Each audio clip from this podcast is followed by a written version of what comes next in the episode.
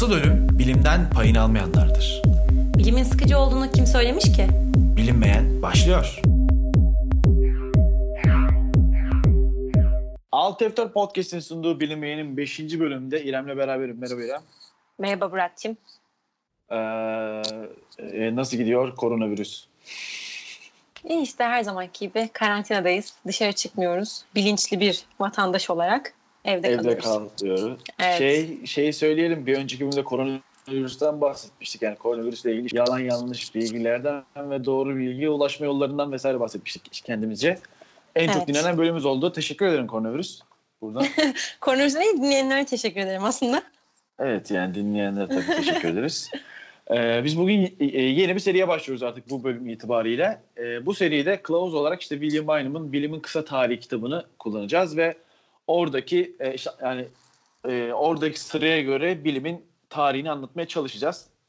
Ee, tabii kitabı ben okuduktan sonra benden e, zorla alınan e, aldığın kitabı bitince geri istiyorum. Zorla derken Zorla aldığın kitabı geri istiyorum.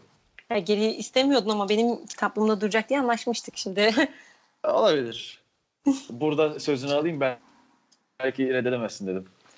Ee, evet o zaman hepimiz evde kaldıysak ben e, başlıyorum. Hepimiz evdeyiz. Başlayalım bakalım. Bizim bir klasik şeyimiz var. e, biliyorsunuz sayın dinleyenler. Bir Wikipedia tanımıyla başlıyoruz. Bilim nedir aslında? Wikipedia tanımına gireceğim. Bilim, fiziki ve doğal evrenin yapısının ve hareketlerinin bir takım yöntemler aracılığıyla sistematik bir şekilde incelenmesini de kapsayan entelektüel ve pratik disiplinler bütündür. Bilimin yazıdan daha önce ortaya çıktığı bilinmektedir. Bu sebeple özellikle antik çağlardaki bilimsel buluş, görüş ve keşifleri incelemekte arkeolojinin önemli bir yeri vardır. Örneğin arkeolojik arkeoloji çeşitli keşiflerin incelenmesi sonrası tarih öncesi çağlardaki ilk insanların çeşitli gözlemler yaptığı saptanmıştır. Hani örneğin işte Mason'ları takip etmişlerdir gibi e, işte ateşi bulmak gibi vesaire. Afrika'da bulunan ve milattan önce 35 bin ila milattan önce 2000 yılları yılları kökenli çeşitli bulgular zaman ölçmeye dair çeşitli de- denemelerin izlerini taşımaktadırlar.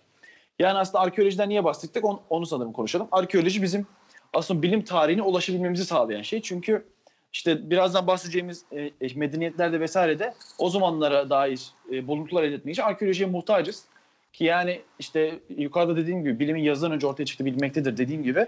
Hani bilimden kastımız az önce bahsettiğim gibi ateş yakmak da bilim aslında değil mi? İnsanlar hayatta kalmak için ve Aynen öyle. e, ko- e, e, hani konuşmaktan onlarca bin yıl, işte onlarca yıl önce hayatta kalmak için ateşe ihtiyaçları vardı ve bilimi kullanarak ateşi buldular sonuçta. O yüzden bilim e, yazıdan daha önce ortaya çıktı ve arkeoloji de bizim bu e, tarihi bilim bul, e, kanıtlarını bulmamız için önemli bir yeri var. Aynen öyle. Şimdi sen bilimden bahsettin. Ben de biraz devam edeyim. Bilim bizim için e, aslında tüm insanlık için özeldir. Neden? Çünkü e, dünyayı ve kendimize dahil olmak üzere dünyadaki her şeyi anlamanın en iyi yolu aslında bilimdir. Biz sorduğumuz sorulara, merak ettiğimiz şeylere aslında bilimle cevap veriyoruz diyebiliriz. Ve bilim bunun yanında dinamiktir de. Dinamiktir derken neyi kastediyorum? Sürekli değişen ve birbirine kendi kendine sürekli bir şeyler etkileyen, e, etkileyen ve ekleyerek giden bir yapıdadır. Fakat değişmeyen tek şey bilim yapan insanların merakı, hayal gücü ve zeka. Yani bir yerde sorgulayan ve merak eden insan varsa aslında orada da bilim vardır. Birçok insanın aslında bilim deyince aklına ne geliyor? Mikroskoplar ve test tüpleri falan geliyor. Fakat e, biz bu podcast'ta aslında e, insanlık tarihindeki bilimden bahsedeceğiz ve insanlık tarihindeki bu bilim aslında e, dünyayı anlamak ve onu kontrol etmek için o zamanlardan beri büyü, din ve teknolojiyle iç içe kullanılmış bir bilimdir. E, şimdi bilim, büyü ve din dedik. Bunlar ilk olarak Hindistan, Çin ve Orta Doğu'daki nehir kenarlarında yerleşen en eski insan toplulukları tarafından kullanmıştır. Aslında biz ilk bilim insanlarını o zamanlara öyle adlandırılmasalar da, öyle nitelendirilmeseler de din adamlarıdır diyebiliriz. Ee, senin de az önce dediğin gibi insanlar ateşi bulmuş. Aslında bu da bir bilim dediğin gibi. Şu, bunu şurada şöyle açıklayabiliriz.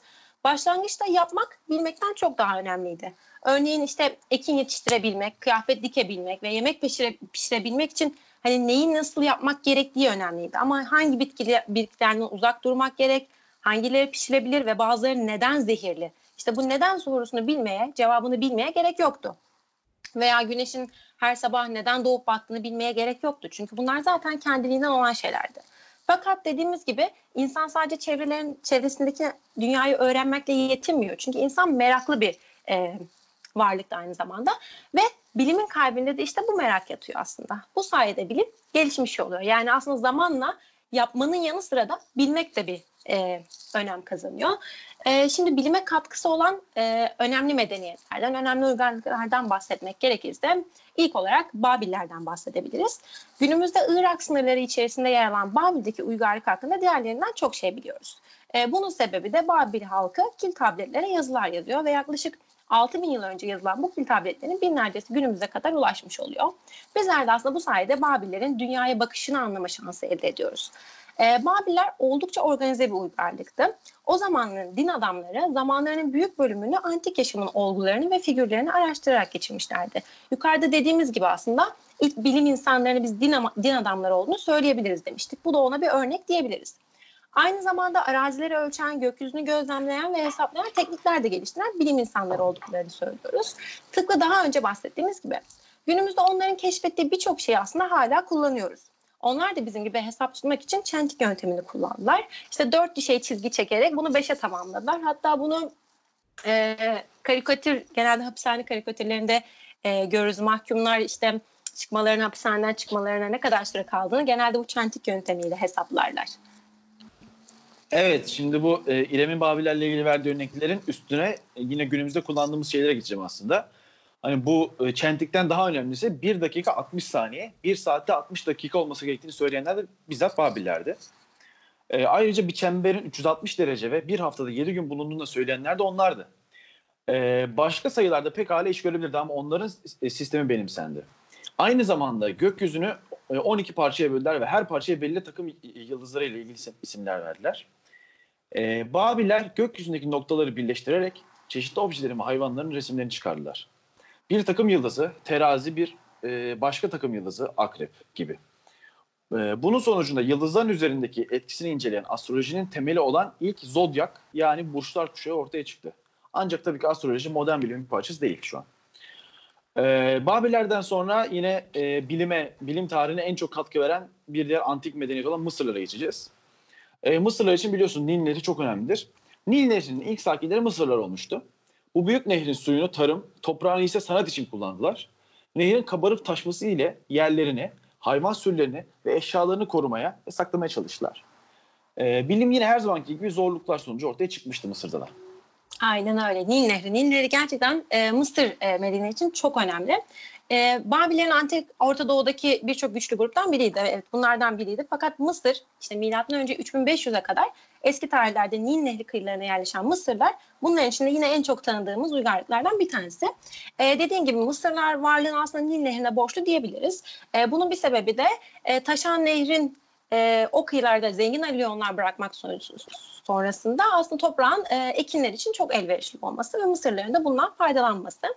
E, peki biz bu Mısır medeniyeti hakkında bu kadar bilgileri na- nasıl biliyoruz ve nereden elde ettik? Biraz bundan bahsedelim.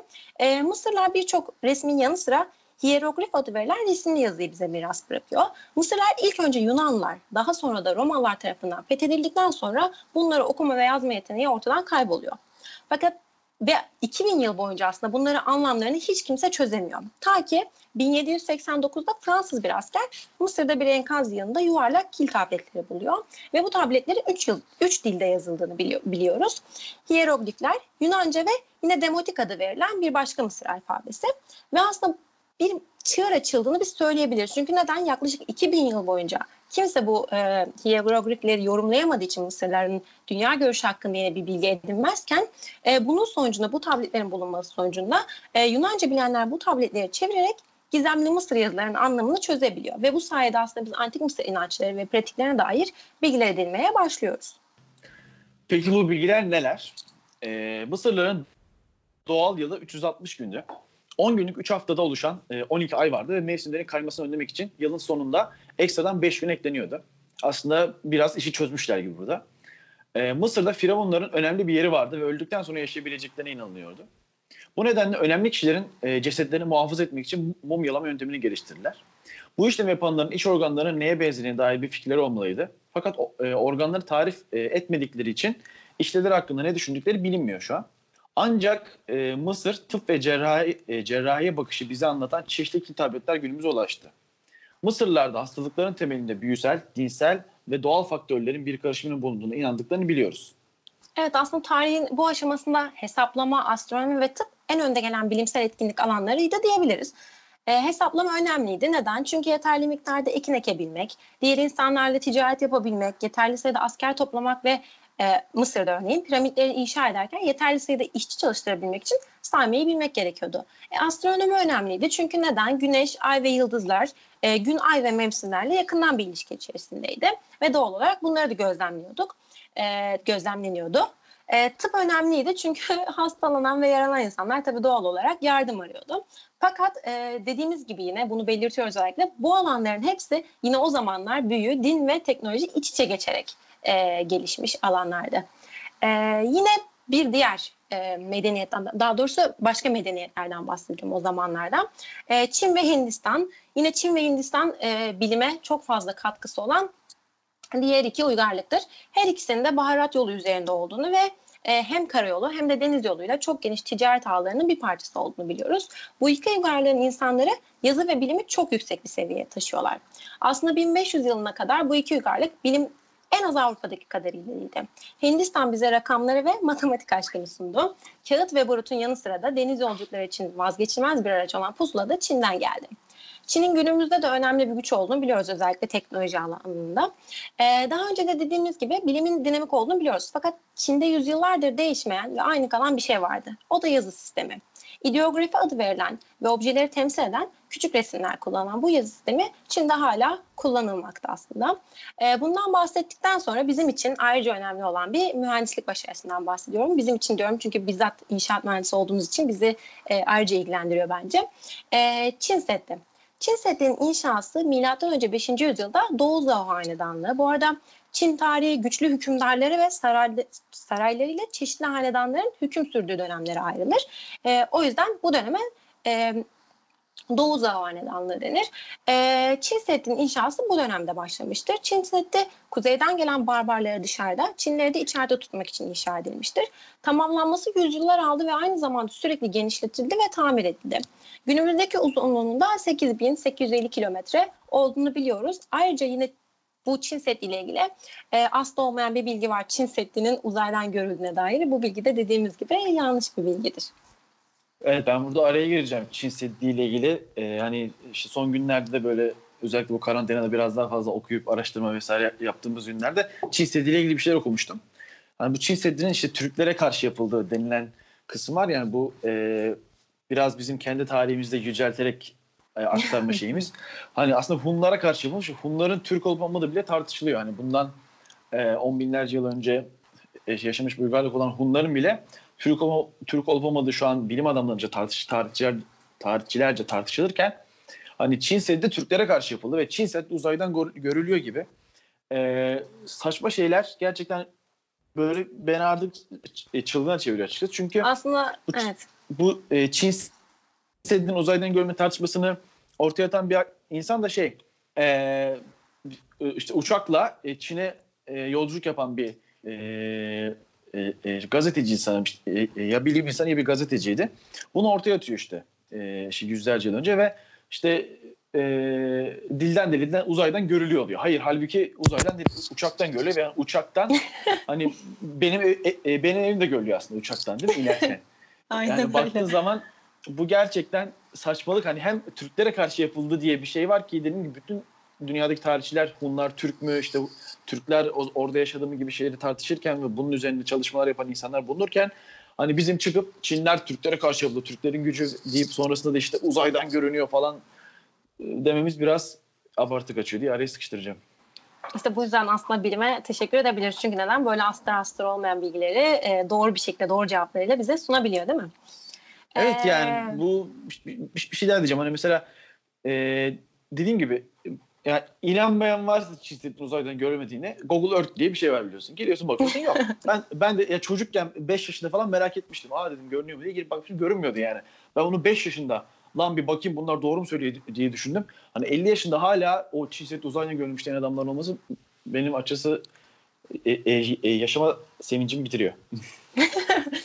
Neyse biz devam edelim o zaman. O insanlar gidip araştırıp bakabilir inanmıyorlarsa. Ee, yine Çin'deki bir diğer dikkat çekici mühendislik başarısından bahsetmek istiyorum ben. Ee, Büyük Kanal 5. yüzyılda su hanedanlığı döneminde açılıyor ve yol boyunca kimi doğal su yolları da kullanılıyor bu kanalda. 1794 kilometre uzunluğundaki Büyük Kanal kuzeyde iç kesimlerde kalan Pekin şehrine, güneydeki güney sahilindeki Hanzhou şehrine ve oradan da deniz yoluyla dış dünyaya bağlıyor.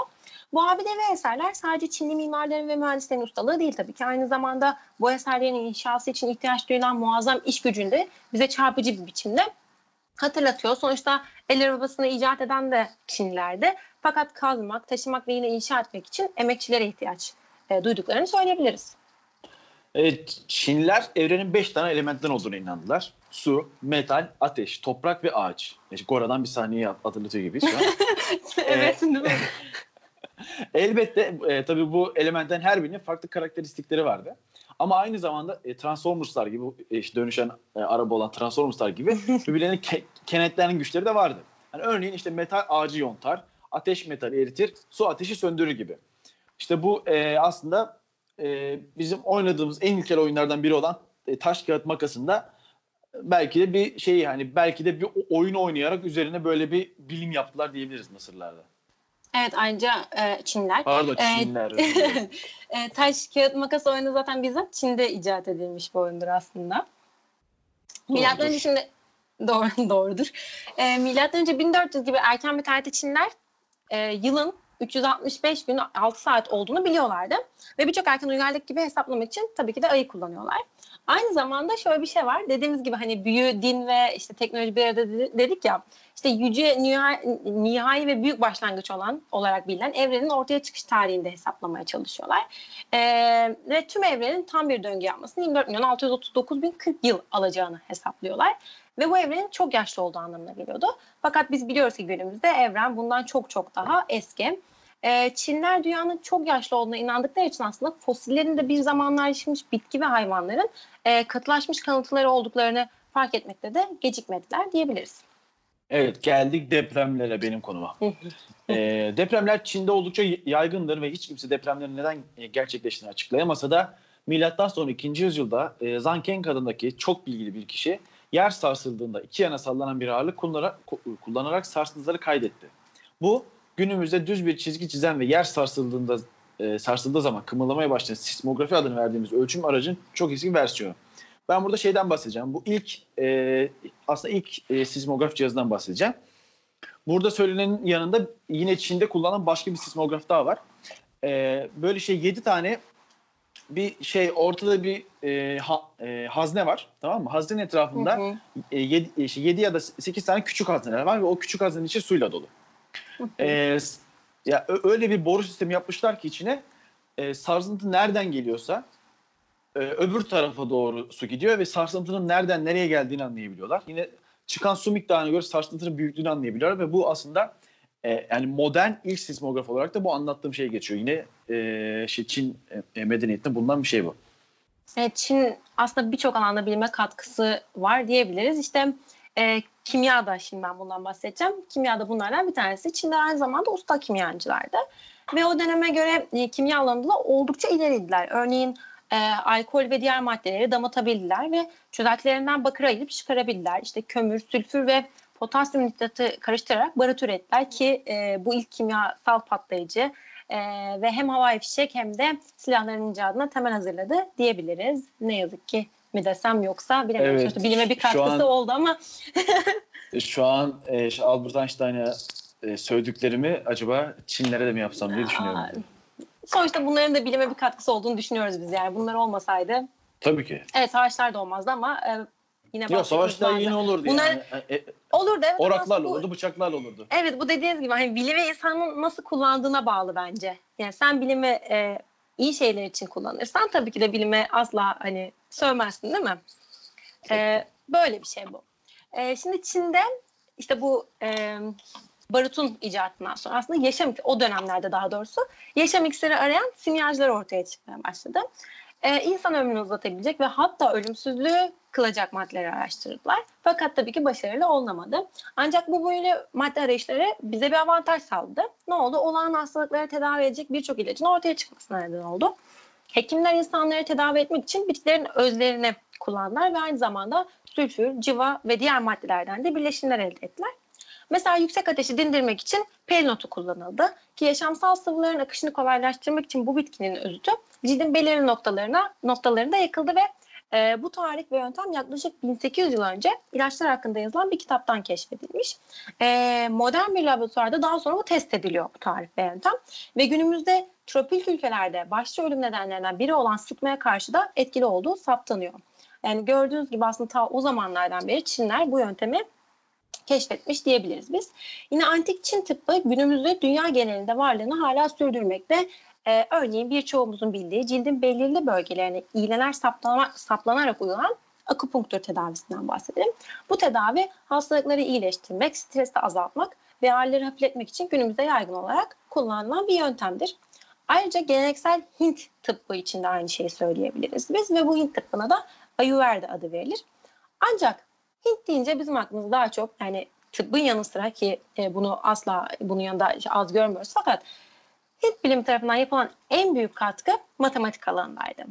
Örneğin 1, 2, 3, 4, 5 şeklinde biz sayabiliyorsak işte buna e, Arabik dediğimiz rakamlar Orta Doğu aracılığıyla ilk kez Hindistan'dan geliyor. Yine sıfır fikri de ilk olarak Hindistan'da ortaya çıkıyor. Hala kullandığımız rakamlar dışında Hintli matematikçiler temel basamak fikrini de geliştiriyorlar. Örneğin işte 170 sayısında bir yüzler basamağıdır, 7 onlar basamağıdır ve 0 ise birler basamağıdır gibi. Şimdi biz bunu düşününce bize çok basit geliyor yani. Biz bunu kaçıncı sınıfta öğrenmiştik basamak yöntemini hatırlamıyorum. Ee, çok Yani çok birinci, basit ikinci sınıf. Değil mi? Çok doğal geliyor. Fakat yine o zamanlar, düşünsene o zamanlardan bahsediyoruz biz. O zamanlar basamaklar olmasaydı büyük sayıları yazmak çok daha karmaşık bir hale alacaktı. Ayrıca e, en ünlü Hintli matematikçi Brahmagupta 7. yüzyılda prizmaların ve diğer geometrik şekillerin hacimlerini hesaplamaya çalışıyor ve aynı zamanda sıfır rakamından söz eden ilk kişi de yine kendisi oluyor. Ve sıfırla çarpılan her şeyin de sıfır olduğunu o zamanlar kendisi söylemişti. Yine bir diğer Hintli matematikçi Baskara bir sayı sıfıra bölündüğü zaman sonucun yine sonsuz olacağını buluyor ve bunu bulduğunda aslında e, diğer matematikçinin üstünden aradan 500 yıl geçmiş oluyor. Bu kavramlar olmadan biz dünyanın e, modern matematiksel açıklamalarının imkansız olacağını, bunların yapılamayacağını söyleyebiliriz. Çünkü aslında çok temel kavramlar değil mi? Evet şimdi İrem e, Çin ve Hindistan diye e, başlıktan sonra biraz Çin ağırlıklı gitti ve sonlara doğru Hindistan'ı verdi. Ben de bir Hindistan'la ilgili kısa bölüm yapalım ve bölümü bitirelim. Ee, Hindistan'da bilimsel e, etkinliklerin başlangıcı milattan önce 5000'lere kadar geriye götürmek mümkün. Ancak hani e, bilim gibi düzenli bilgi toplumu oluşması yaklaşık milattan önce 2500'leri e, buluyor. Hindistan'da kullanılan sayı sistemi İrem'in dediği gibi 10 tabanlı ve işte e, erken tarihlerden itibaren e, konumsal rakamlandırma yönteminin benimsendiği görülüyor. E, yine İrem'in dediği gibi sıfırı ilk defa Hintli matematikçiler kullanıyor. E, tabii burada sayı sistemindeki bu erken tarih gelişimi de yine aritmetiğin e, gelişim hızını büyük ölçüde etkiliyor. Daha sonra e, Pitagorasçılara mal edilecek olan e, Pisagor teoreminin çözümü ile ilgili erken çözüm örneklerinde Hintlilerin geometrik metinlerine rastlamak mümkün. E, cebir alanında birinci ve ikinci derece denklem çözümleriyle ilgilenmişler ve trigonometri alanında ise sinüs ve kosinüs fonksiyonu kullanmışlardır. Günümüzde bile bunu çözemeyen insanlar olduğunu hatırlatmak istiyorum. Evet. Ee, e, daha sonra Hitler'in aritmetik, cebir ve trigonometri konusundaki bilgileri e, Sanskrit dilinden Arapçaya yapılan çeviriler yoluyla İslam dünyasına aktarılacak. Ve buradaki bilimsel uyanışta önemli bir e, rol oynayacaktı. E, 12. yüzyıldan itibaren Arapçadan e, Latince yapılan çeviriler sonucu ise Hristiyan dünyası bu bilgilerle e, tanışacaktı.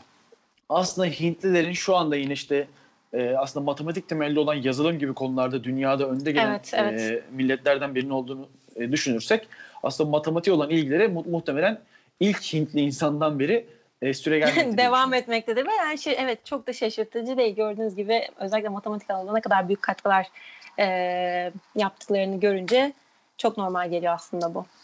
Evet, O zaman- yani burada şu ana kadar saydığımız Babiller, işte Mısırlar, Çinler, Hintler olmasaydı şu, yani şu, yani şu e, yarım saatlik küçük podcast bile gösterdiği için günümüzdeki bilime ulaşamayacaktık. Kesinlikle öyle. O zaman burada e, ara verelim diyelim bu serimize. Bir sonraki bölümde yine kaldığımız yerden tarihin kaldığımız aşamasından devam etmek üzere. Kendinize iyi bakın. Aynen öyle. E, evde kalın, görüşmek üzere. Evde kalın.